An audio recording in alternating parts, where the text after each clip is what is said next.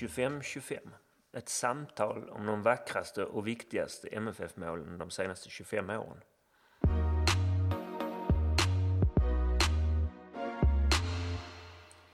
Vi som gör den här samtalsserien heter Tony Ernst och Henrik Zackrisson. all musik och alla jinglar är gjorda av Gabriel Ernst. Podden är klippt av Martin Ringstrand.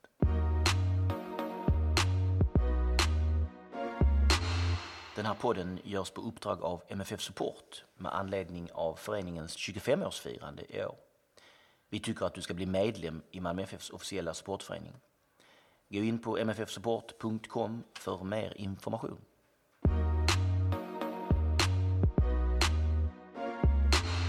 Mål 23. Emil Forsbergs 2-1 hemma mot IFK Göteborg 2013.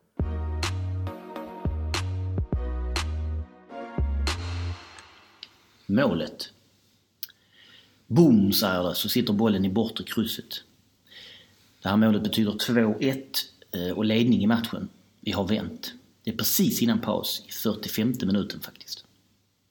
Ja, det är en lång crossboll från Mikael Albornoz som landar hos Emil och han eh, går in i straffområdet, fintar bort Emil Salomonsson och liksom i en rörelse bankar in i bortre krysset. Det är en sån där skönt fladdrande boll som far omkring i, i luften och ändrar riktning lite. Och John Alvbåge i Göteborgsmålet är helt chanslös. Tommy Åström som på Kanal Plus som kommenterar och han skriker. Han gör sitt häftigaste mål i karriären. Eh, Och expertkommentatorn som är före detta Bayern-tränaren Tony Gustafsson svarar då Emil Forsberg, en sanslös individuell prestation. Det är Rickard Norling som är vår tränare. Han står på sidlinjen och skrattar och skakar på huvudet som att han inte riktigt tror på det han har, på det han har sett. Vilket han inte är ensam om. Nej, nej. Eh, Och, och det är Ranti och Hamad som är först fram och kramar om Emil.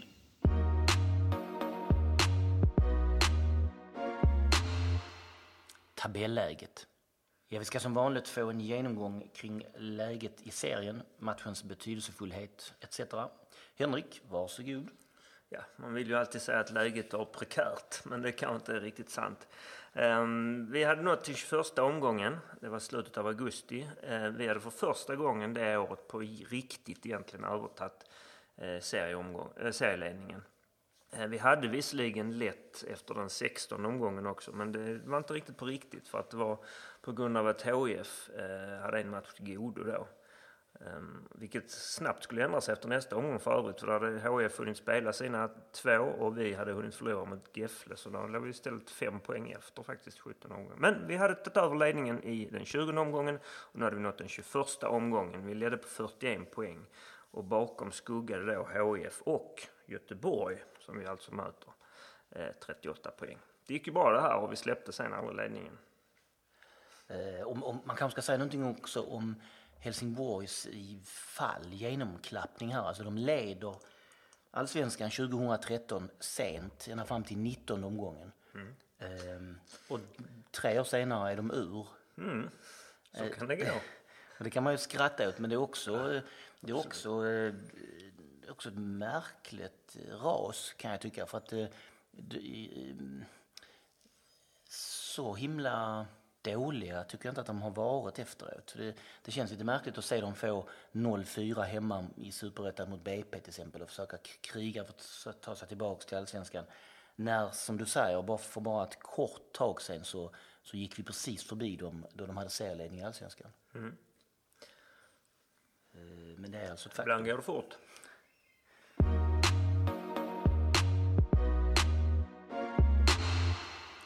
Matchen. Det är tungviktsmötet i Allsvenskan. Och vid den här tiden så är det tvåan i antal SM-guld, det är vi då, på 16 stycken. Eh, mot de som leder, eh, IFK Göteborg, på 18 stycken. Och det är ju faktiskt början på det som ska bli tre SM-guld för oss på fyra år. Eh, och ledning 19-18 i SM-guldligan. Det är en bra match eh, där IFK startar bäst och tar ledningen genom Robin Söder i 17 minuten. En upprullning på höger sida. Lasse Wibes pilar förbi Ricardinho eh, och det blir 1-0. Vi kvitterar snabbt därefter. Det är en Jiloan Hamad frispark som Pontus Jansson knoppar in. Kraftfull nick. Eh, sen kommer då målet vi pratar om här. Forsbergs kanon i slutet på halvleken. Och i andra halvlek med ungefär en kvart kvar så gör Gilvan 3-1 på en indirekt frispark. Det är en bra match mellan två tunga lag. Mm. Jag, jag, tycker vi är klart bäst i första halvlek om man bortser från den här första kvarten kanske när, när, när IFK tar ledningen också. Ehm, vi har en jättechans via Magnus Eriksson eh, där han får ett inspel och bränner från nära håll. Men sen i andra halvlek så mindes jag det som, och även när jag tittar om, så är det som att IFK tar över och har flera riktigt bra chanser. de är ju ganska bra då, det här året. Det är de. Och mm. där är en jättechans för Hussein där han skjuter och den tar Pontus Jansson och ändrar riktning och Dalin håller på att tappa in den och det är helt hysteriskt. Och sen kommer det ett skott i ribban av, eh, av Sobralense minns jag. Um, så det blir liksom inte riktigt för lugn och ro förrän vi får det där 3-1 målet. Ut, utav Gilloan på den där indirekta frisparken. Och jag minns också att det, det, är, det är Stare och Norling som står vid sidorna och, och, och skriker lika mycket på varandra tror jag som, som, som på spelarna och på, på domaren.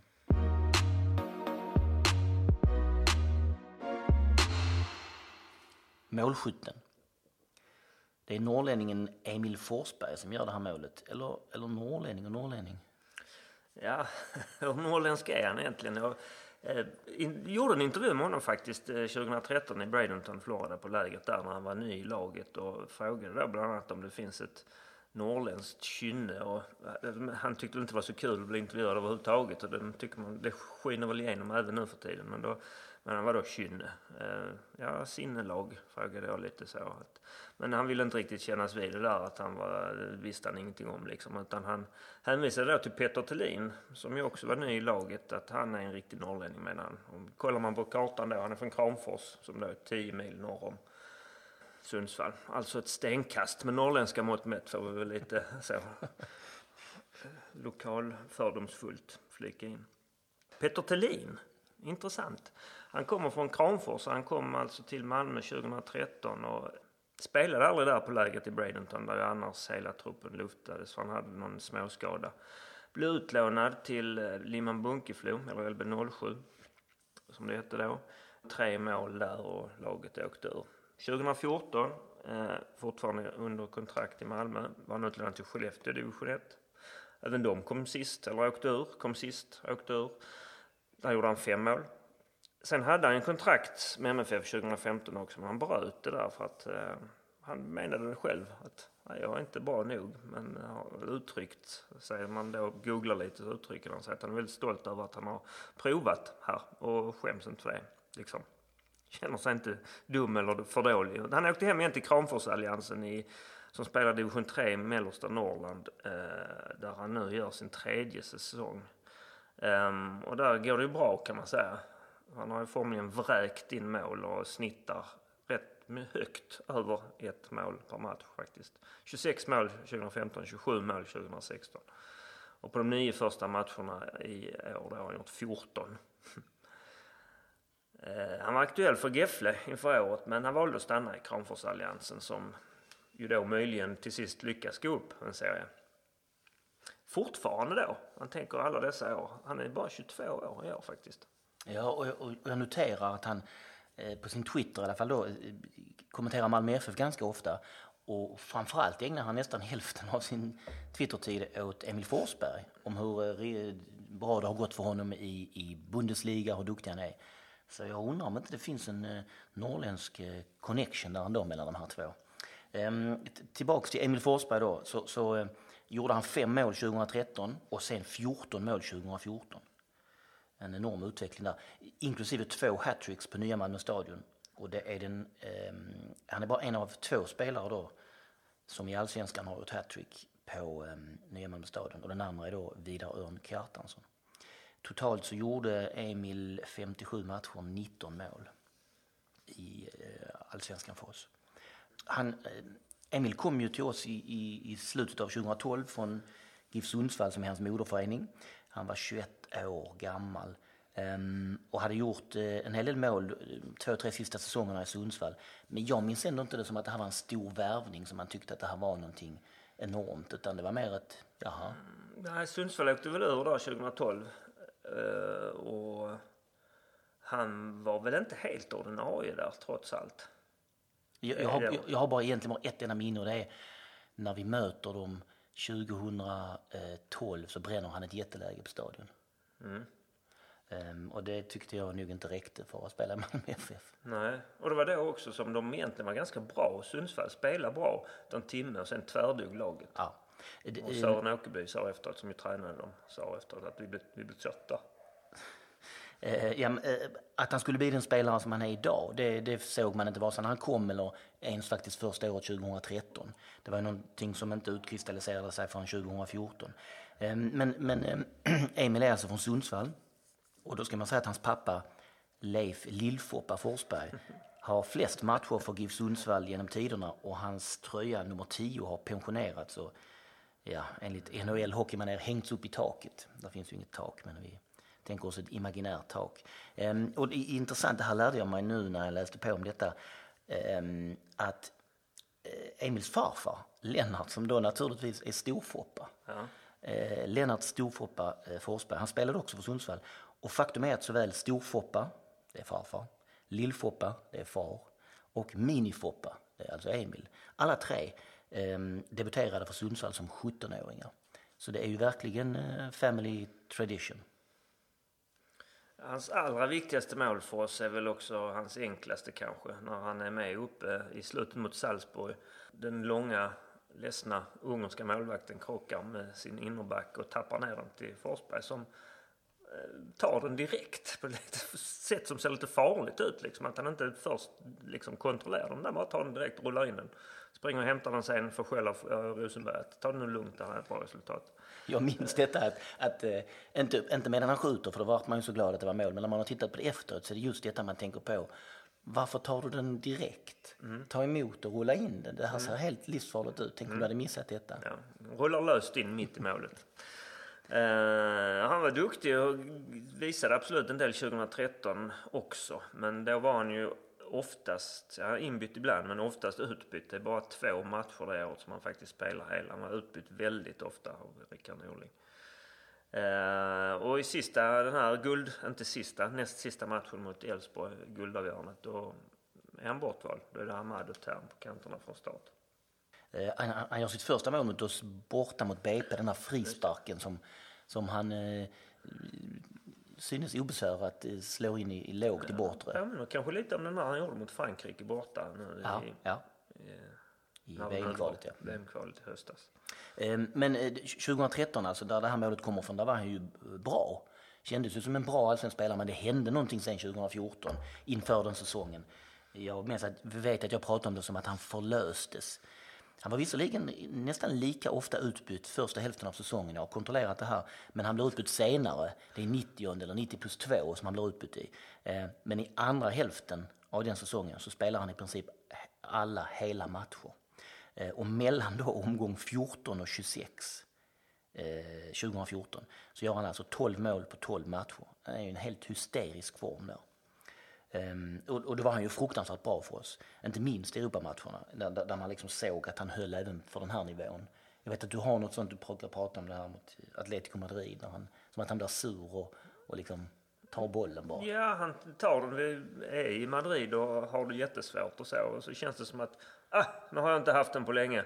Så springer han och hämtar den liksom och springer hela planen och knallar den en liten bit utanför. Faktiskt därifrån vi står, ganska nära.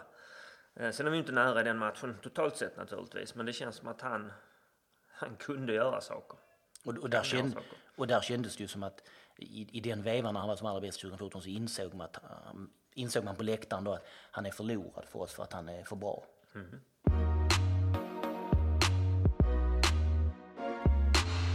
Långskott. Det är nog visst med långskott. Eh, det är ett så vasst trumfkort att ta fram tycker jag. Jaha, ni, ni, ni försvarar bra, det går inte att komma igenom, det går inte att komma fram någonstans. Well, vi bryr oss inte. Vi skjuter helt enkelt bollen in i mål från långt avstånd. Det går liksom knappt att försvara sig mot. Och det, och, det, och det finns ju en anledning till att just praktfulla långskott nästan alltid vinner omröstningar om årets mål i vilken liga det nu än är. Ja, och vi har ju perioder under de här 25 åren haft spelare som verkligen har kunnat skjuta och gjort det återkommande så att säga. Afonso såklart som ofta pricksköt de eh, in bollarna lågt och hårt. Jimmy Durmas som eh, på något vis kunde skjuta, eller kan skjuta lika bra med bägge fötterna. Ofta mot krysset till. Då. Molins har ju såklart haft ett antal fina långskott. Eh, häcken borta 2010. Göteborg borta samma år. Eh, bägge målen mot Örebro hemma 2011 och så vidare.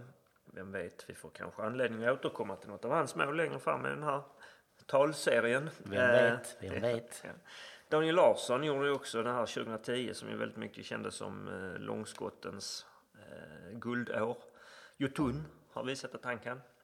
Och vi har ju såklart Daniel Anderssons eh, famösa bomb eh, mot Trelleborg. Just det. 1997. Sju. ja. Hemma. Vilket gjorde att Anders Andersson som också hade en bomb i det samma match kom lite i skuggan. Ja just det, för att Daniels var ännu något... Ja, det är en sån där ribba in och så upp igen i nättaket som just alltid ser tv-vänligt. Extravagant ut.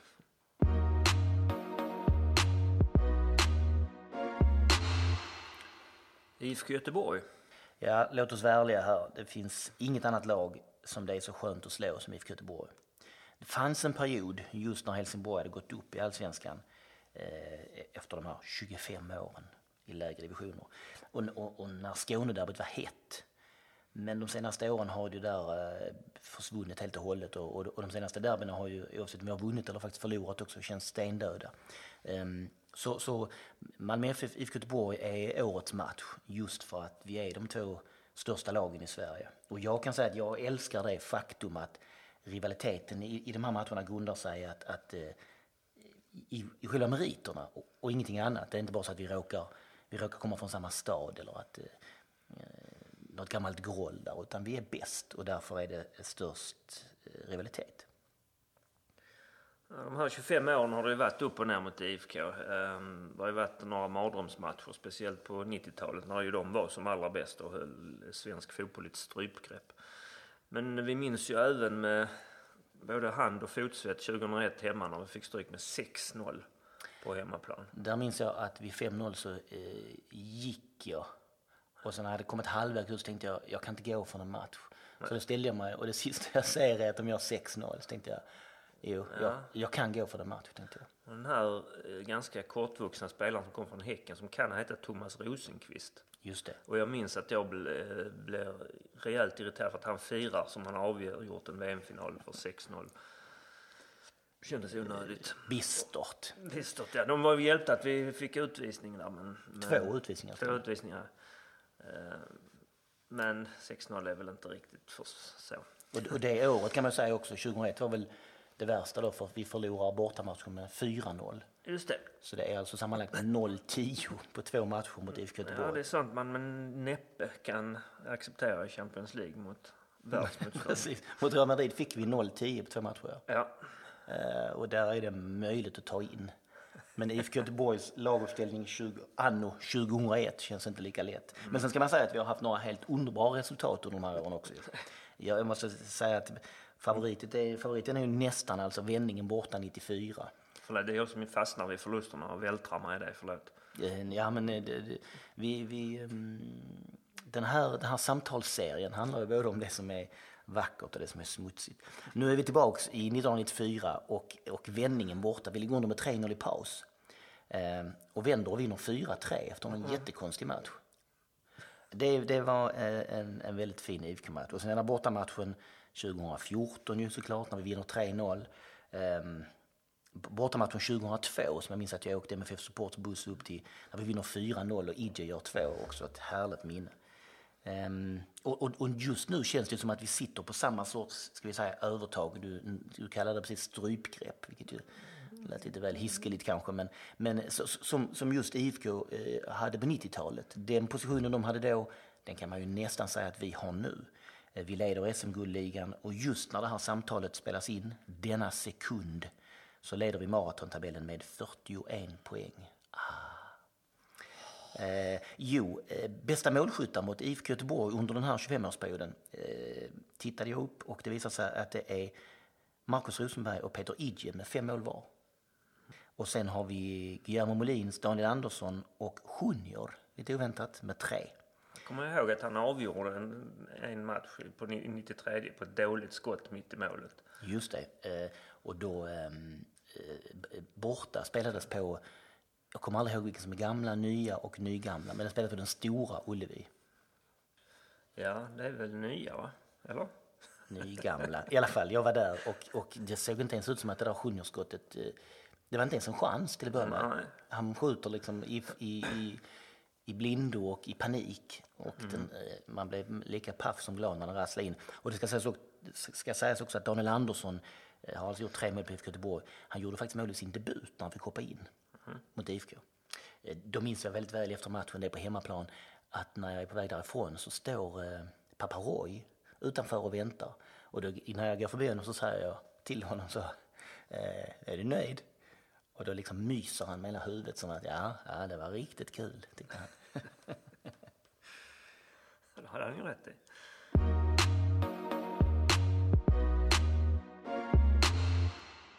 Tokoloranti. Den här matchen i Göteborg är Tokolorantis näst sista match i MFF-tröjan. Nästa match borta mot Öster eh, kommer vara hans allra sista. Kommer ju för övrigt ihåg att han var extremt nära att bli målskytt i den men han blev eh, nekad av detta av eh, Östers målvakt. Oerhört irriterande för det är precis rakt framför klacken där vi står Ja. på den här kortsidan och i 80, någonstans mellan 85 och 90 minuten så man kan göra 2-1 där. Tokilo Ranti försvinner sen till Bournemouth, eh, så småningom vidare till Turkiet. Han var ju en märklig spelare på många sätt och vis. Han var fartfylld, eh, fantastisk på att skapa chanser, gjorde några underbara mål men var ju också väldigt duktig på att bränna chanser. Eh, han verkar ju faktiskt fortfarande älska Malmö FF eftersom hälften av hans inlägg på sociala medier verkar handla om oss. Ja, jag måste säga att han är nog den, han är tvåa efter Wilton Figueiredo i att stadigt kommentera Malmö FF och skriva om hur underbart Malmö FF är. Och då får man säga att Wilton har lagt av så det är lite mer eh, elegant från hans sida. Tokolo tillhör ju en annan klubb. Är det Genkler Berigi vi har uppe på tapeten? Precis. Det ska visa sig att Genkler Birligi, eller hur nu det här sabla laget ska uttala, kommer att bli en oerhört viktig och vital del av den här samtalsserien. Eh, Och för att koppla då viktig del så kan man säga att Tokolo var ju en oerhört viktig del i det 2013-lag som vann guldet. Eh, 17 matcher, 7 mål. Ehm, Och, när vi då pratar om favoritmål med, med, när det gäller Tokolo Ranti så har vi ju samma favoritmål eh, misstänker jag.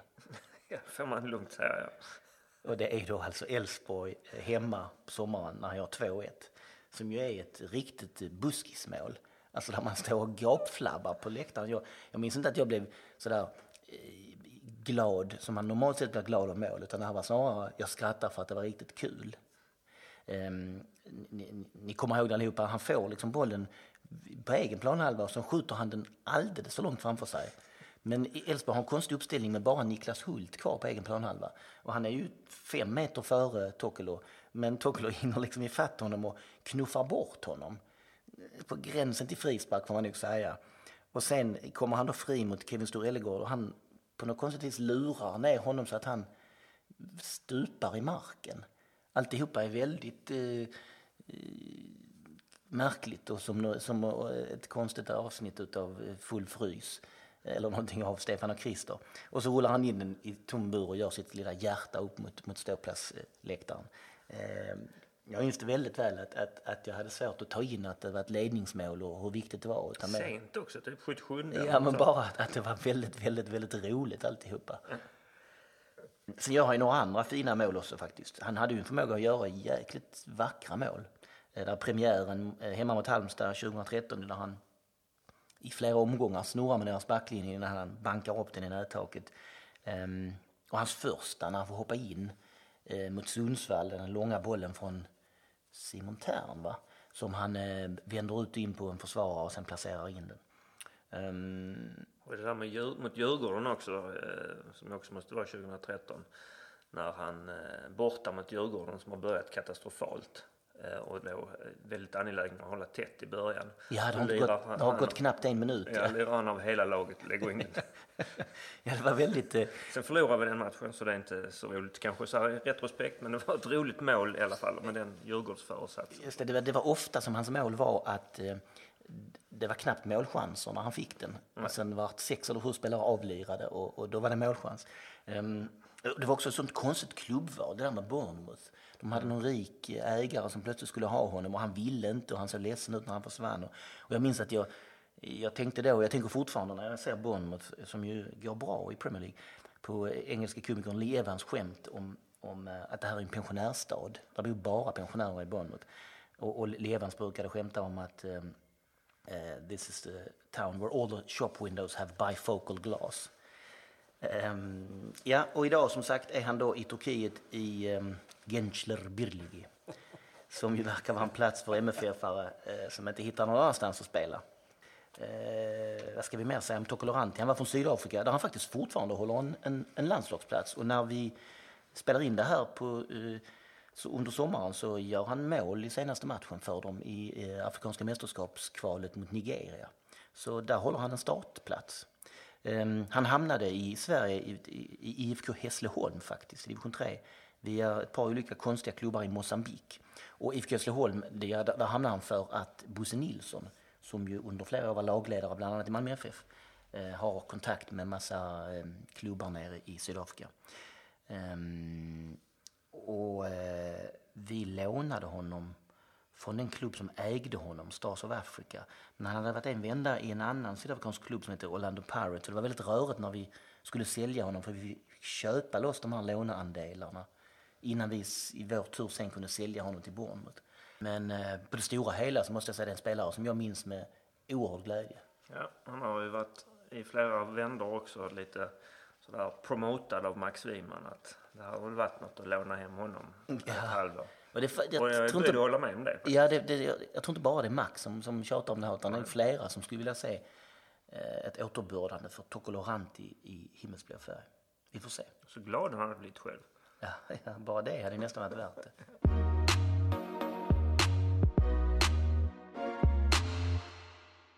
På plats. Vi har eh, Pontus Jansson med oss här och då undrar vi ju allra först, kommer du ihåg det här målet? Jag kommer ihåg det. Jag kvitterade själv i den matchen till 1-1 om jag inte minns fel. Sen så gör Emil 2-1 precis innan halvlek. Eh, med ett jäkla spektakelt mål. Och i matchen mot Göteborg på hemmaplan för mig att det var i princip fortsatt också. Så att, eh, ja, jag kommer ihåg det. Det var grymt. det, det, som du säger, det, du, du verkar skratta lite grann just för att det är IFK Göteborg också. Det är, alltså det, det, är det tunga mötet i Allsvenskan. Ja, precis. Det var ett viktigt möte. Det var väl mellan oss och dem det stod, stod om guldet det året. Eh, så det var en viktig match. Eh, och precis, så som det kom också. Det stod 1-1 några minuter kvar av halvleken och vi får in 2 precis innan halvlek. Psykologiskt viktigt mål. Och så var det ganska, ganska snyggt också eh, från Emil. Emil var ju i bra form redan då. Så det var ett psykologiskt viktigt mål. Han, han, har liksom någon sån här... Nu träffar ju du honom i landslaget så hela tiden också men, men han har något rätt så märkligt tillslag. Har han inte det? Det känns som att han liksom bara skjuter från höften. Och så blir det så hårt. Ja, han, han har tränat länge på det där. Ehm, och han har haft egentligen ända sedan tiden i Sundsvall. Och det krävs enormt mycket träning bakom Eller det. Jag känner även personligen så jag vet att han har tränat mycket på det. Mm. Ehm, men man såg det redan tidigt när han kom till Malmö att han hade tillslaget. Ehm, och har väl fått ut det mer och mer här under senare år. Ehm, men alltid sett att han har den där touchen som, som krävs. Mm. Men går det liksom att föreställa sig för Ibland får jag svårt att få ihop den här Emil Forsberg som kommer, den lite valpiga Sundsvallskillen som kommer mm. till den scen som då är, ja, typ Bundesligas bästa spelare. Ja, det som jag sa, jag känner Emil på personligt plan, en av de tajtaste vännerna jag har i, i fotbollsbranschen. Eh, och även för mig så är det rätt absurt ja, när man nämner honom som den bästa spelaren i, ja, till och med världen i och med att Bundesliga är ja. de bästa, bästa ligorna. Emils utveckling alltså blommade väl igenom rätt sent. Eh, han var ju bra redan under min tid i Malmö men när jag lämnade så fick han en explosionsartad utveckling. Eh, och, ja, tog dem i princip till Champions League och var bra redan då i Champions League. Och sen hans, ja, hans säsong förra året i Bundesliga var väl kungen på allting där han var en av de bästa spelarna. Hon blev framröstad även från motståndare och andra spelare i ligan och det säger en hel del när man blir, när man blir det. Mm. Det, det, som så här, han, han har ett fint 2013 hos oss och han har väl en, han har ett bra vår 2014 och sen försvinner du då. Men hösten 2014 så är det ju, exploderar han precis som du säger. Ja, då får han får igång både assist och målskörden på ett helt annat sätt än vad han var tidigare. Eh, han var bra även under mitt år med Rinka tyckte jag, men han blev väl utbytt. Han blev ganska tidigt, alltid utbytt efter en, en timme. Det visste man om han satt och vankades byte efter en timme och han såg skylten kom inte visste man att ja, nu ska Emil ut. så lite den känslan var det väl. Men han, han tränade hårt under vintern med Åge, fick ett stort förtroende när Åge kom och utvecklades enormt där. Och sen under sommaren, då när jag lämnade, så, så kom målen och assisten och det gör att man, man börjar synas. Så det var därför som, som Leisio kände ut ungefär 40 miljoner för honom. Mm poäng och alltså mål och assist betyder oerhört mycket. Det spelar egentligen ingen roll hur bra du är om du inte, om du inte får fram assist och mål. Men när du väl får det så blir det att det börjar pratas om en ordentligt. Mm. Du gör själv ett mål i den här matchen och kommer du ihåg det med? Jag kommer ihåg ja. Ett inlägg för en frispark från, från Gille. Som mm. jag, som jag kommer, kommer, kommer till bra och, och nickar in ett stenhårt, stenhårt nickmål. Det var, ja, det var en grym känsla. Det var mitt första mål på hemmaplan på Stadion. Mm. Eller ett av de, ja, det kanske var andra, jag vet inte, men ett av de första målen i alla fall. Eh, men som du sa mot Göteborg, ett viktigt möte, i princip fullsatt. Eh, ja, det var jävligt grymt, jag kommer ihåg det. Fin känsla. Det är väl ditt tyngsta MFF-mål får man säga ändå? Ja, det är det. Eh, och så som precis mot Göteborg, hemma fullsatt. Och så då med alla vänner och familj på plats. Det var, ja, det var häftigt. Det, det, det, det är som du säger, en match som betyder mycket, inte bara till IFK Göteborg utan för 2013 så var det ju ett race mellan eh, mellan oss och, och, eh, och, och, Göteborg och eh, de tar ju ledningen i den här matchen också. Kommer du ihåg det där, alltså kommer du ihåg själva matchen, hur den liksom artar sig, hur det ser ut och så vidare? Ja, jag kommer ihåg att det började jävligt bra.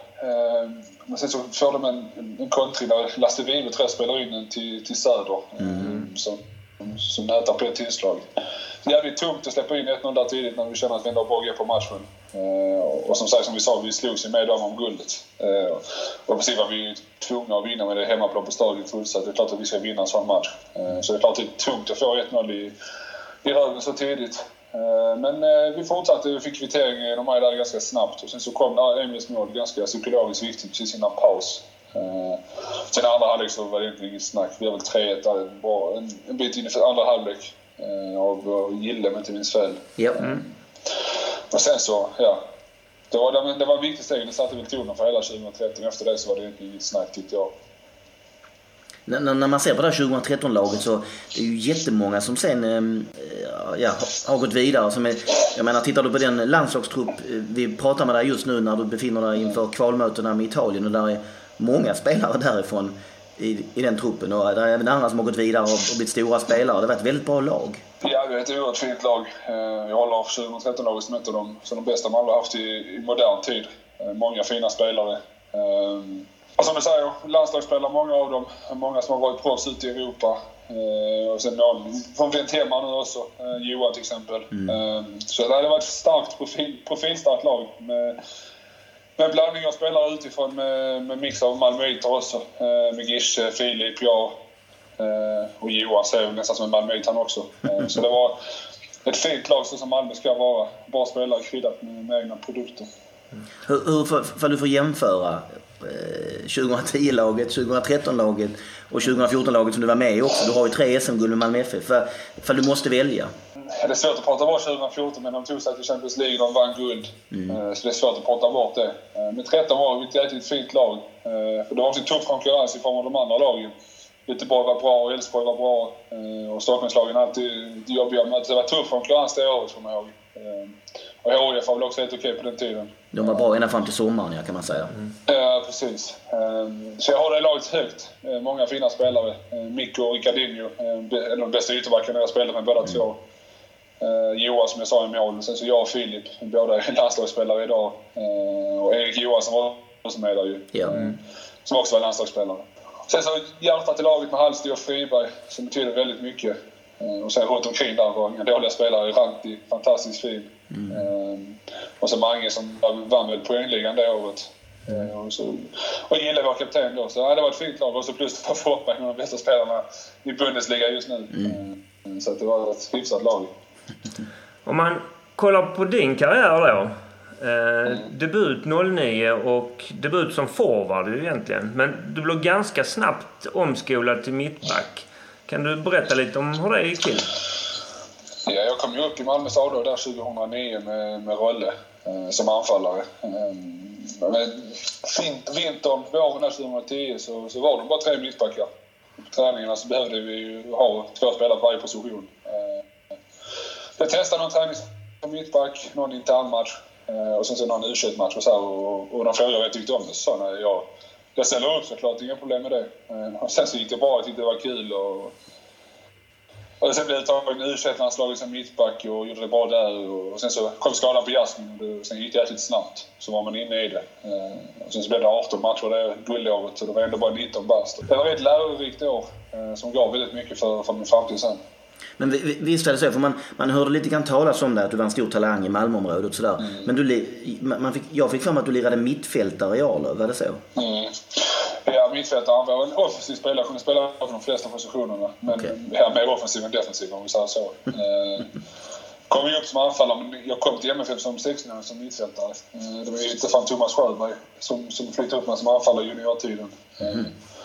Så jag har ju gått en resa och spelat i princip överallt. Ja, vi har ju sen Torino-tiden. Där, där är det någonting, jag vet inte om... Men, men visst var det så att på något vis du eh, avstod pengar eller någonting i den stilen för att, i samband med den övergången? Ja, det var ju mycket snack om min övergång. Alltså jag sa ju tidigare, så det står jag för, jag sa ju att jag, jag vill inte lämna som, som bossman. Eh, och jag var som jag säger, ungdom kan jag inte säga, men det var ju verkligen så jag ville att, att det skulle bli att jag skulle lämna att Malmö skulle få pengar. Mm. Eh, men det drog ut, på det, av diverse anledningar. Och ja, jag hittade, jag presterade inte tillräckligt bra så jag hittade inte ordentligt. Men sen när Torino kom eh, så ville de ha ner mig tidigare eh, än, än, vad det var, än vad det skulle vara. Jag tror jag skulle komma ner där i slutet av augusti men om jag skulle komma ner där i början av juli som de ville då så var jag tvungen att få till en övergång. Och det sa jag till Martin, ja det är bra, det är perfekt för alla delar. Martin Dahlin, min agent. Mm. Så sa jag, ja det är perfekt för alla delar då. Um, att jag kan komma ner direkt och börja med dem. Så sa han, ja men det finns bara ett problem att uh, de måste... Uh, den övergångssumman tas ifrån de pengarna som du ska ha. Så sa jag, nej men det är inga problem. Det är så jag vill ha det. Jag vill att Malmö ska vara nöjda och att jag ska kunna lämna rakryggad och, och sen komma tillbaka ändå. För att Malmö har alltid betytt mycket för mig och jag gör det än idag såklart. Så att, ja, de, det blev att jag gav, gav min sign-on-bonus till, till MFF. Du, du, känns som en, du känns som en otrolig supporterspelare. Alltså en av de där spelarna som man verkligen liksom känner eh, är en av oss ju. Mm. Ja, nej, det, det blir alltså jag, som sagt, jag växte upp med MFF sen jag var 3-4 år gammal. Eh, Stod stått på ståplats sen jag var 10 eh, med mina vänner. Och, jag gjorde väl det egentligen fram tills jag kom upp i Malmös juniorer. Där jag istället var tvungen, eller tvungen, men jag satt med, satt med juniorerna då på läktaren och kollade tillsammans istället för att stå på, på ståplats. Så att jag är uppvuxen på ståplats och och jag älskade den tiden. Målade flaggor och var med i diverse supportergrupper. Och min bror och hans kompisar hade en supportergrupp som hette eh, Malmö Siempres. Mm. Och vi blev någon undergrupp till dem, eh, jag och mina kompisar. Så nej, jag har ju som sagt växt upp med det och alltid älskat läktarkultur och så här. Så att, ja, jag är väl en, är väl en supporter i grunden. Jag kommer ihåg, jag och Henrik stod bredvid varandra på ståplats lite högre upp och jag minns en, en skitunge längre fram med egna flaggor och så vidare. Och i, i efterhand så är det ju du då alltså, så vi, du, vi, har, vi har ju haft det precis framför oss liksom. Ja, vi stod alltid längst ner. Ja. Ehm, så eh, guldmatchen där 2004 så så sa min mamma till mig, ja, stolarna nu stormar planen så får ni fan inte göra det, så håll er i bakgrunden. en massa sura gubbar bakom sig sa och tvingade oss hoppa ur staketet. Så att vi och mina kompisar var en av de första som var, som var inne, inne på planen. Så att det, var, det var kul. Eh, jag, jag, jag, jag, tycker det är så härligt att det, att det fortfarande finns, om man tänker på fotbollen ser ut idag, att det fortfarande är spelare som liksom har vuxit upp i klubben och stått på läktaren. Jag tänker på ja, men Sebastian Holmén i Elfsborg till exempel som ju har stått i deras klack. Eller mm. eh, vad hette backen eh, som gick till Tyskland i AIK som också stod i deras klack? Eh, Milosevic, nej, vad heter han? Milosevic. Ja, precis ja. Precis ja. Och, och, och, och, så du då, att, att det fortfarande finns plats för det här. Det, det, det, det glädjer mig. Mm.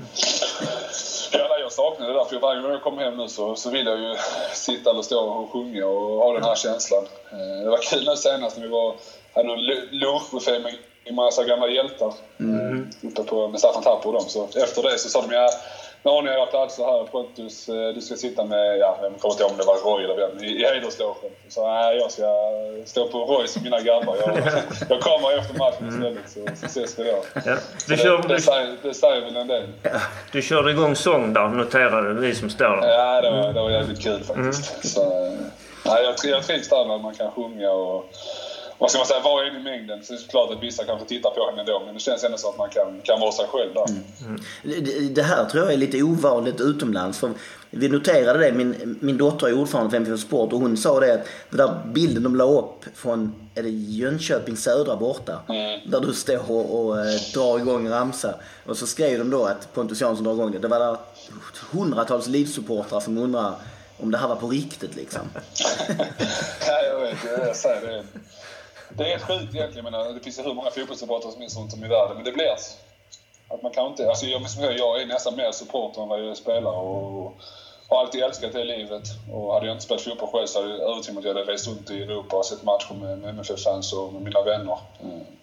Och den dagen jag slutar spela, om jag nu inte hoppas att jag får jobba i MFF, men om jag inte gör det så kommer jag resa runt och se matcherna som supporter istället. Eh, och det livet har jag alltid älskat. Det är, avslappnat, det är skönt. Eh, det är en jävla kärlek tillsammans med andra supportrar och, kärlek att kunna stödja ett lag. Så att, eh, nej, jag har alltid varit fascinerad av det.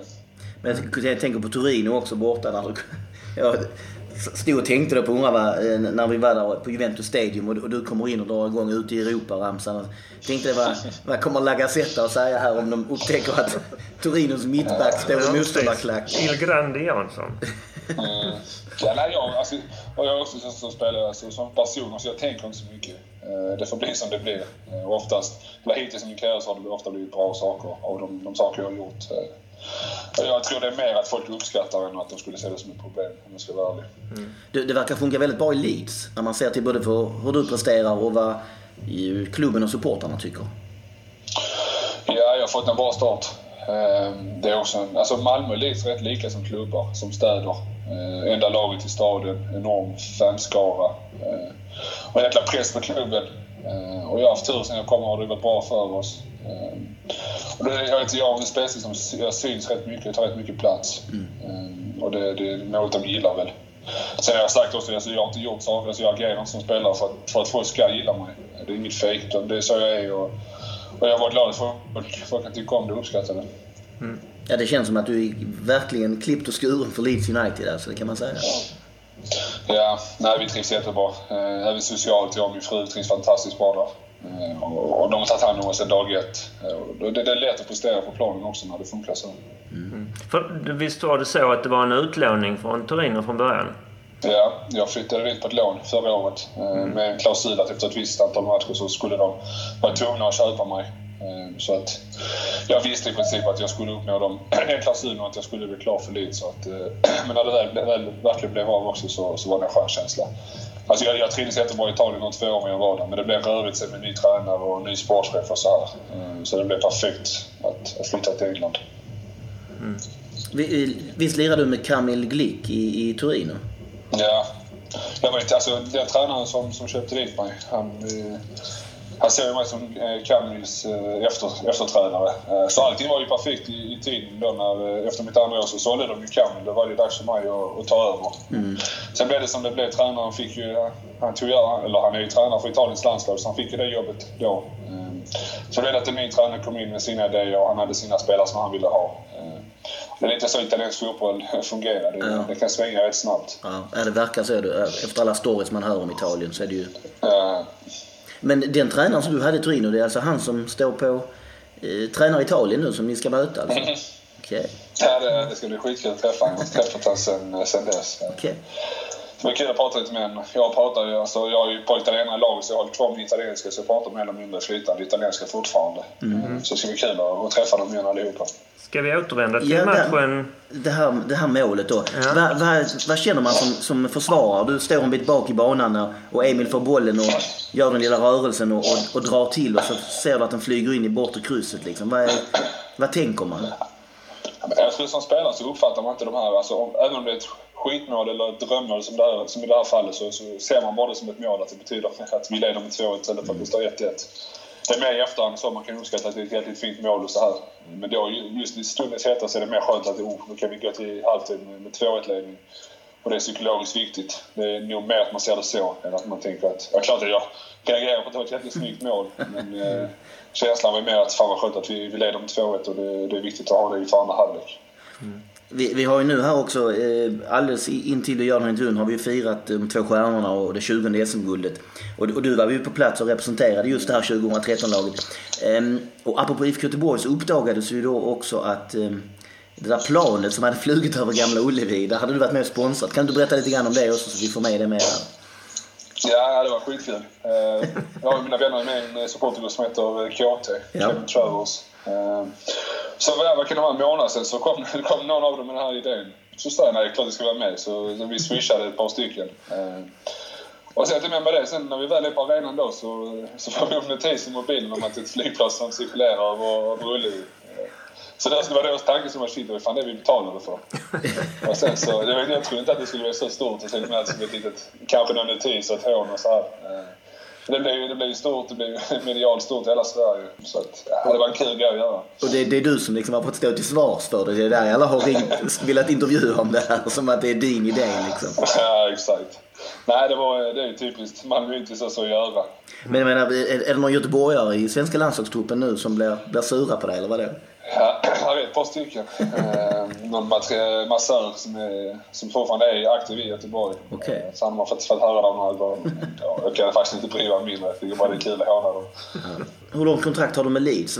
Hur ser du, liksom, hur ser du framtiden an Ska ni gå upp i Premier League? Vad är liksom... Jag ska nyligen på ett nytt eh, femårsavtal. Eh, så att jag har ett femårskontrakt med dem just nu. Det är till och med 2022 alltså? Ja, precis. Mm. precis. Eh, nej, men drömmen är ju att ta upp dem i, i Premier League såklart. Eh, det är där Leeds har hemma. Det är som jag sa en enormt stor klubb. Så att, jag, som jag sa, jag trivs fantastiskt bra i klubben. Eh, socialt utanför. Och det har funkat bra sedan dag ett.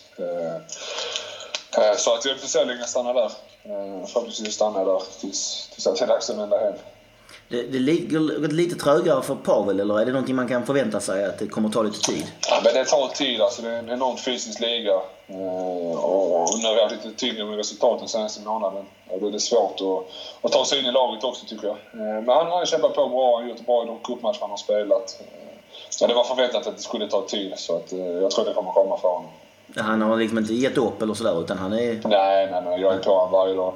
Mm. Det är lugnt. Han, jag har honom under mina vingar. Du, du nämnde där när jag vänder hem, du ser det i din långsiktiga plan som du ska avsluta i Malmö FF? Ja, men det sa jag den dagen jag lämnade. Att jag, mm, min förhoppning är att kunna återvända en dag. Eh, det kan hända mycket i ens karriär, man vet aldrig. Mm. Men återvänder jag inte som spelare så återvänder jag hem som, som något annat. Eh, antingen jobba inom förening eller, eller som, som supporter. Jag menar, hela, hela mitt liv kretsar kring Malmö. Jag har alla min familj, alla mina vänner hemma i Malmö. Jag har precis köpt hus och bygger hus ut, utanför Malmö i Åkarp. Så att hem vänder jag ju. Så förhoppningsvis så kan jag göra det som spelare också och, och avsluta allting med MFF. Den här samtalsserien, eller podden vi gör då, det är ju de 25 åren som MFF Support har, har funnits då, från 92 till 2017. Vad är dina största minnen från, från eh, den här eran, liksom den moderna MFF-eran? Ja, men jag har ju både som spelare och som supporter. Mm. Supporter är det 04 såklart. Eh, jag var med sen, sen första matchen det året. Var på, princip, eller jag var på alla matcher och många av bortamatcherna. Alla Skånederby var jag på. Eh, uppe i Göteborg. I den sista omgången, det är nog det, det största minnet jag har. Det var enormt kul. Eh, min första bort, enorma, stora bortamatch med mina, min, min bror och hans, hans supportergrupps hjälp att stå. Så det var, det var jävligt kul. Sen såklart, tre guld som spelare. Hade någon sagt det till mig när jag var 10 år 2004 så hade jag ju bara skrattat åt dem. Mm. så att, eh, nej, jag har varit med mycket roligt med MFF. Eh, och sen så faktiskt som, så ser jag mig själv som supporter här i Champions League-åren. Det var också enormt kul att följa dem när de var, var i Champions League. Eh, nu bodde jag, jag fick till och med äran att få se det på plats i Turin när jag bodde där. Så att, ja, det har varit många roliga, och, roliga saker under de här åren. Det känns som att det är många av de spelarna i den eran där vi säger från 2009-10 när du kommer fram till 13-14. Många av de spelarna som sen har försvunnit ut som ändå verkar ha ett väldigt fint förhållande till Malmö FF och är väldigt stora supportrar för alla de här kvällarna när vi spelar viktiga matcher. Om, man följer er på Instagram och andra sociala medier så ser man dig och, och Jimmy Dorm, alltså jag menar hela gänget liksom sitter och tittar och... Ja men det är också en eloge till MFF som, som förening. Eh, de är måna om att ta hand om sina spelare och hålla, hålla kvar kontakten. Eh, där är Ola Gällstad som är anställd av MFF ett enormt arbete. Eh, engagera sig om angående biljetter och kolla kontakt. Med mig pratar han nästan en gång i månaden och bara kolla läget och så här. Så att det är enormt eloge till MFF som sån förening att de, att de bevarar den eh, relationen med sina spelare. Eh, och sen Malmö är något speciellt med MFF. Eh, det är som sagt den största klubben i Sverige och men alla som du säger från 2009 och framåt så är det bara positiva år med ja. MFF i princip. För det är klart att det är lätt för dem att hålla kvar vid, vid Malmö. Mm. Så förhoppningsvis så, så kan många av oss vända hem tillsammans eh, om några år. Det hade varit, varit jävligt kul. skulle du kunna säga någonting om Eh, man får väl ändå säga, även om man har varit objektiv betraktare, att Malmö FF dominerar svensk fotboll just nu. Det är fyra SM-guld på fem år. Det är inte så konstigt att säga. Det är lite grann som Göteborg under 90-talseran. Vad är, den, vad är de, den stora eller de största faktorerna som du har varit med lite grann på den här resan och kunnat se det liksom? Vad har varit viktigast? Den här eh, kaxigheten som finns i Malmö tror jag. Eh, det började 2010 där. Läste slutet av 2009 hade vi en fin period sen 2010 från dag ett kände jag att något, något hände med MFF. Uh, eh, nu kan inte jag prata för åren innan det ju, men då, då, kände jag att den här kaxigheten kom tillbaka. Nu, nu ska vi vinna, det finns inget annat snack. Sen, sen, egentligen, sen den dagen så har det egentligen bara varit positivt hela tiden. Uh, och sen, ja, framförallt från guldet 13 och, och framåt efter det så har det nästan varit bisarrt hur överlägsna vi har varit. Mm. Men det man, man ska vinna Malmö. Det sitter, många säger också det, det sitter i väggarna när man kommer till, till stadion att, att alltså motståndarna känner att vi har inte chans att vinna här. Och det, det, det säger någonting om MFF som förening, att man, att man har respekt för dem. Tror du att vi kommer att dominera även framöver? Ja, jag ser inget, ingen annan anledning till att vi inte skulle göra det. Eh, jag att jag känner mig väldigt trygg så länge Danne sitter, sitter vid, vid ledarspakarna han har enorm koll på Malmös historia, hur det funkar i Malmö, men också enorma kunskaper om hur han ska fortsätta driva Malmö framåt. Ehm, sen har man de bästa spelarna, tycker jag. Bästa fansen. Och, och den här vinnarkulturen sitter kvar och det gör det ännu tydligare nu när man fortsätter att vinna. Ehm, sen har vi några hyfsade, eller hyfsade proffs ute i Europa som förhoppningsvis kommer vända hem om några år tillsammans. Så då får vi fortsätta med, med det då. Jag, jag tänker just på Daniel Andersson som du nämner också. Han har du ju spelat bredvid i backlinjen. Du har haft honom som eh, andra tränare, assisterande tränare och du har haft honom som sportchef. Så det är en person som du har följt med hela vägen också ja. Ja, verkligen. Han har betytt mycket för mig. Jag har lärt mig mycket av honom. Eh, först som spelare, men som, som ledare. Eh, hans ledaregenskaper var enorma som spelare. Och har en enorm respekt för honom. Och vi har en bra relation även idag. Och som sagt, jag känner mig trygg så länge han sitter vid, vid, vid en viktig post i MFF. Då vet jag att, att det är ordning och reda. Det kommer att bli bra. Sista, vi är tillbaka i det här målet igen. Um, uh, Emil Forsberg får bollen där ute och du, du, har ju, dels ser du det på plats för du är på plan. Mm. Men du har sett efteråt också misstänker jag då. Mm. Vad va, um, va kan man säga om Emil där? Va, va är, det, är, det, är det typiskt Emil-mål? Det är det lite grann. Ja, det är det. Han utgår från vänsterkanten och bryter in i banan. Det är väl, det är väl typiskt Emil Forsberg. Eh, han gör det bra. Eh, det är väl Emil Samuelsson som ändå är en bra ytterback som han, eh, som han lurar. Eh, och vinklar in i banan och så, så avlossar han ett skott snabbt i bortre hörnet där målet inte har en chans. Och det är väl, ja, det är väl ganska typiskt Emil att göra så. Eh, och där fick man väl se prov på hans fina tillslag eh, i det målet. Var det något som man såg på träningar ofta också det här? Men stod nötte ofta efter träningar. Eh, och jag har spelat med mig redan i pojklandslag så jag har sett honom redan då. Mm. Då var han kanske inte lika bra som spelare men man såg att han hade den här touchen och tillslaget. Eh, så att, som sagt, jag har följt Emil länge. Vi var tillsammans vi var 15-16 år gamla. Så att, eh, jag har alltid, alltid sett honom som en bra spelare.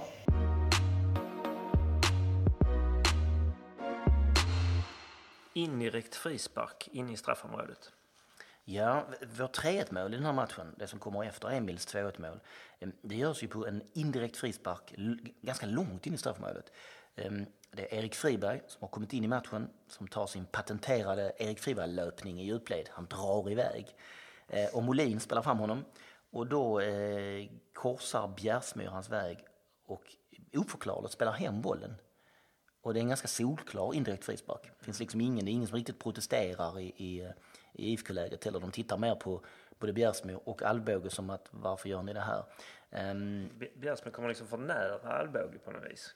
Ja, jag, jag vet inte riktigt. Och han har redan lagts eller satt sig ner. Ja, det ser konstigt ut alltihopa men det är i alla fall ingen som protesterar hos IFK-spelarna. De, mer, de mer tittar på Jonas Eriksson som att Det var liksom inte riktigt meningen, vi kan väl skita i det. Men Jonas Eriksson blåser och sen blir det riktigt rörigt där ett tag.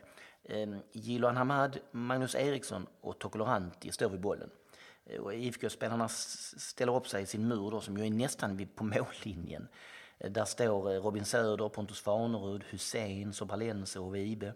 Eh, och så tränger sig liksom Pontus Jansson och Erik Johansson in där också på något vis.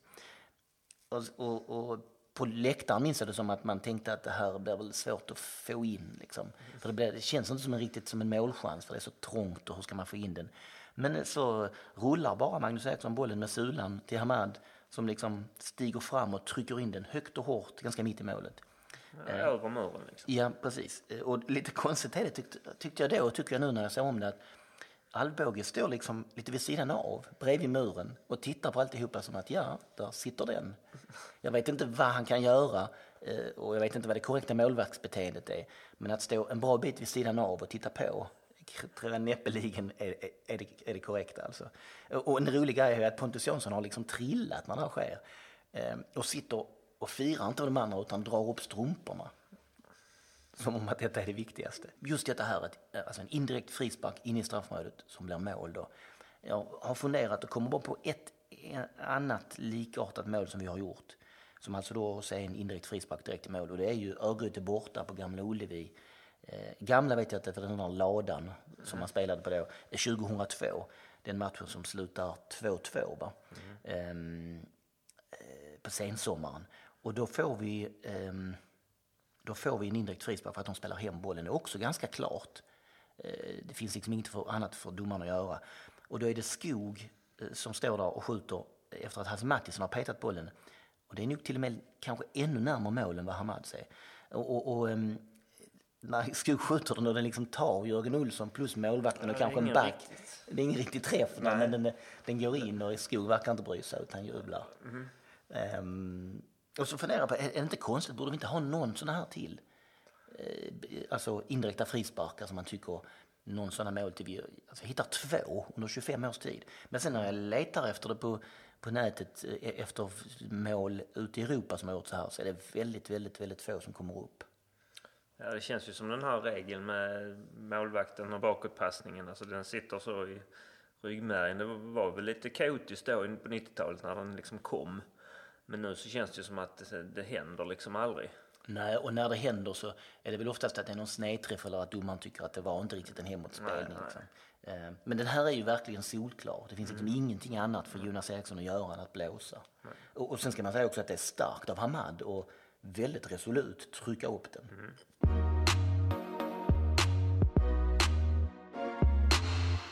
Kluriga frågan. Uh. Ja, då är det återigen dags att ställa en krånglig fråga till en helt oförberedd Henrik. Mm. IFK Göteborg ställer en allsvensk debutant på plan till den här matchen. Han är landslagsman idag. Vem är det? Uh...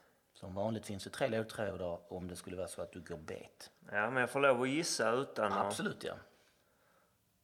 Ja, alltså en... en... Det känns... 2013 är vi vid. Korrekt. Ja. Kan det vara Jakob Johansson? Nej, det är inte För han måste ha spelat tidigare. Ja. Sam Larsson vet jag att han har spelat innan. Um... Ska vi prova en ledtråd? Ja, varför inte? Han är försvarare. Mm. Kan det vara Augustinsson? Korrekt. Ludvig Augustinsson. Får jag rätt för det då fast ni har gissat fel? Ja, ledtråd. Det, det, hade vi haft en poängsumma här så hade det olika sorters ja, poäng. Det, jag fått lite mindre Ja. ja, det kändes som Jakob Johansson då som var kanske en dålig gissning för det kändes som att han hade spelat längre. Så tänkte jag på det här sista med Durmaz att man, mm. kan, man kan tänka, eller jag kan tänka fel på året.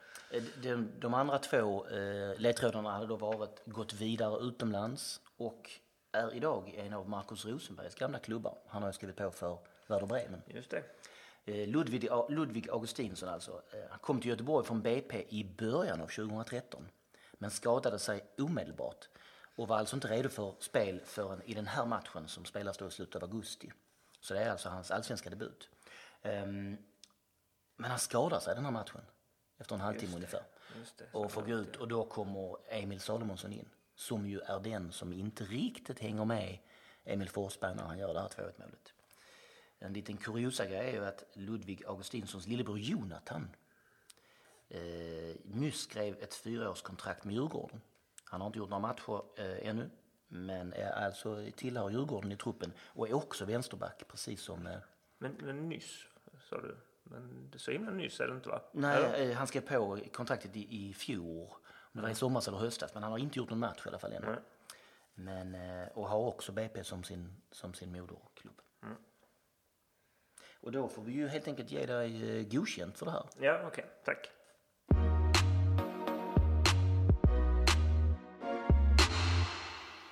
Mer om målskytten. Emil Forsberg är ju idag en firad stjärna i Bundesliga. Den gångna säsongen 2016-17 gjorde han 19 assist. Det bästa av alla i hela Europa i toppligorna eh, och han kom ju också med i årets lag för Bundesliga. Eh, och det är väl känslan liksom efter att han väl har akklimatiserat sig så är han bäst i, i vilket sammanhang som helst. Han bara växer. Eh, och så tänker jag att går han till någon annan klubb här nu i sommar så blir det väl samma där. Han får en liten liten period där i början och sen så kommer han att vara bäst i det laget också.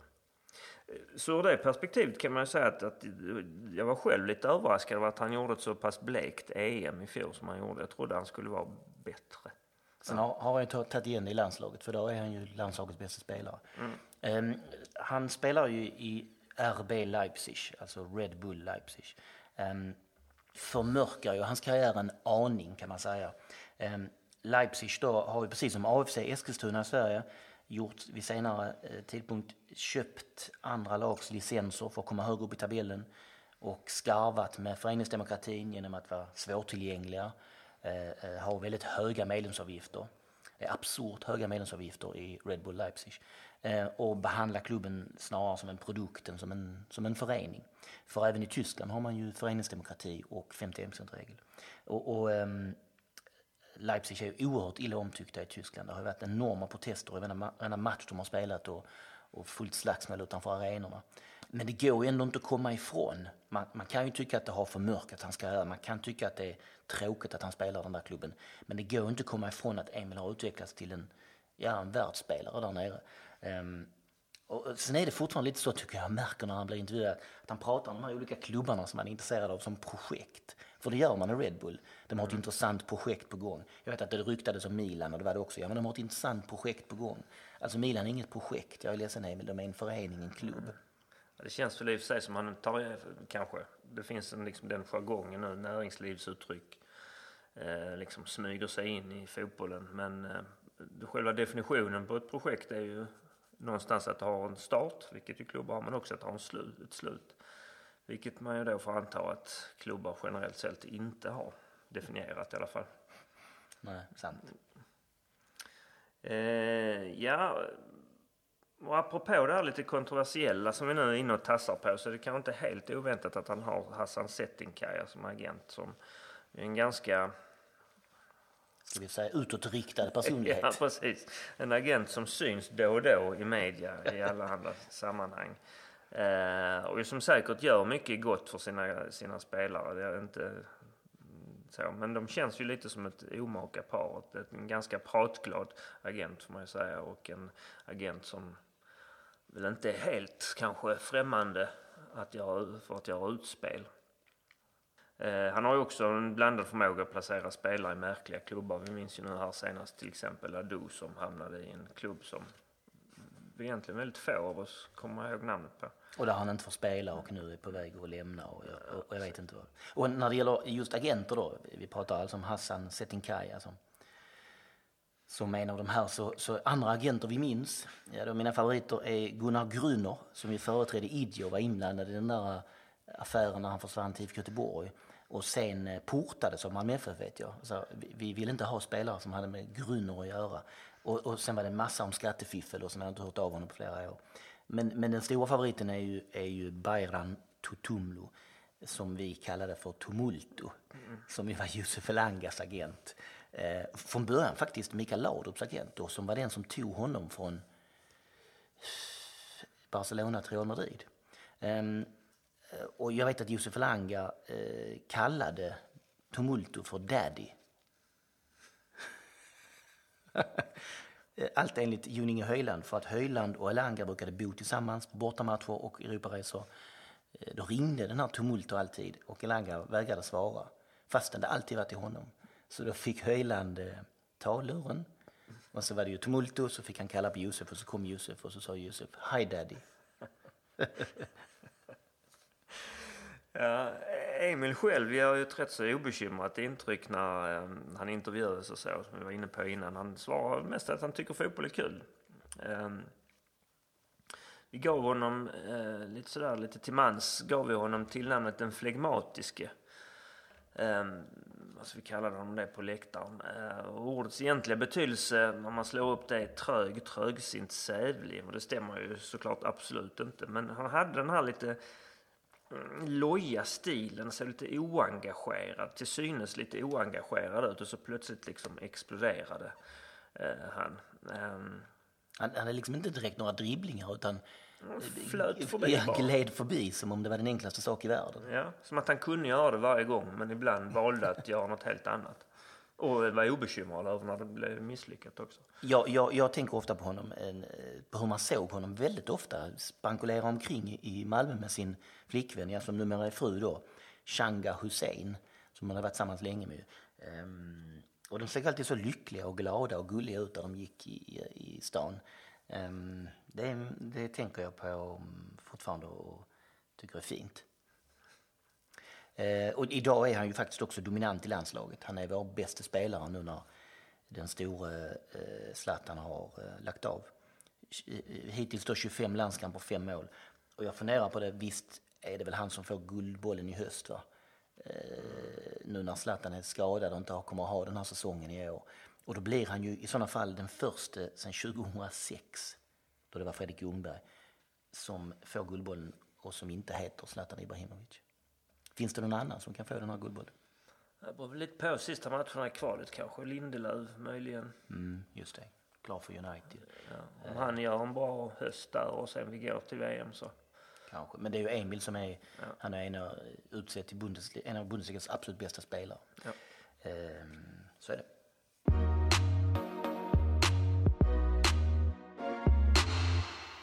Motståndaren. Ja, jag har valt Pontus Farnerud. Han spelar i Göteborg vid den här tiden. Han är född i Helsingborg. Slog igenom i Landskrona 96 till 98 och blev som 18-årigt underbarn proffs i Monaco. Han- är ändå svensk som har spelat i AS Monaco. Han var där i sju år. Um, spelade mycket ibland, spelade lite mindre ibland. Men uh, han gjorde faktiskt 11 matcher säsongen 99-2000 när Monaco vann ligan. Och det var ju senast de vann ligan, bortsett då från uh, i år. Ehm, och det var under Claude Puels ledning. Claude Puel som ju tränade Southampton nyss. Och där anfallsparet hette David Trezeguet och Marco Simone. Imponerande. Mm. Och sammantaget har han en väldigt respektabel karriär utomlands. Han, eh, förutom Monaco blev det sen Strasbourg, Sporting Lissabon och Stabäck. Innan han då återvände till Allsvenskan i februari 2012 och gjorde två säsonger i IFK Göteborg innan han fick sluta för att han hade problem med höften. Just det, och då, sista året där var det väl rätt trassligt och det var inte alla matcher han kunde spela och så vidare. Jag, jag- vet också, och det här tycker jag är intressant, han har varit rätt så kritisk till hur IFK Göteborg har skötts. Speciellt hur man spelar fotboll. Um, uh, såväl när han spelar där som efteråt. Um, och jag minns en intervju som vi gjorde med Simon Tern till mitt fanzine Lätt bäst i serien efter seriesegern 2013. Där eh, Simon Tern, som också gnällde tillsammans med sin far på IFK Göteborg och deras citat brottarfotboll. Där han säger så här, detta är alltså citat Simon Tern. Farnerud är en klok människa och bra kille. Man springer alltid och småpratar lite. Jag sa till honom nu i Supercupen, vad fan sysslar ni med? Spelar ni inte fotboll? Er playmaker är ju Alvbåge. Det är han som har bollen mest i ert lag. Han sa, ja vad fan, det finns inget jag kan göra åt det. Det är han som står vid sidan som styr.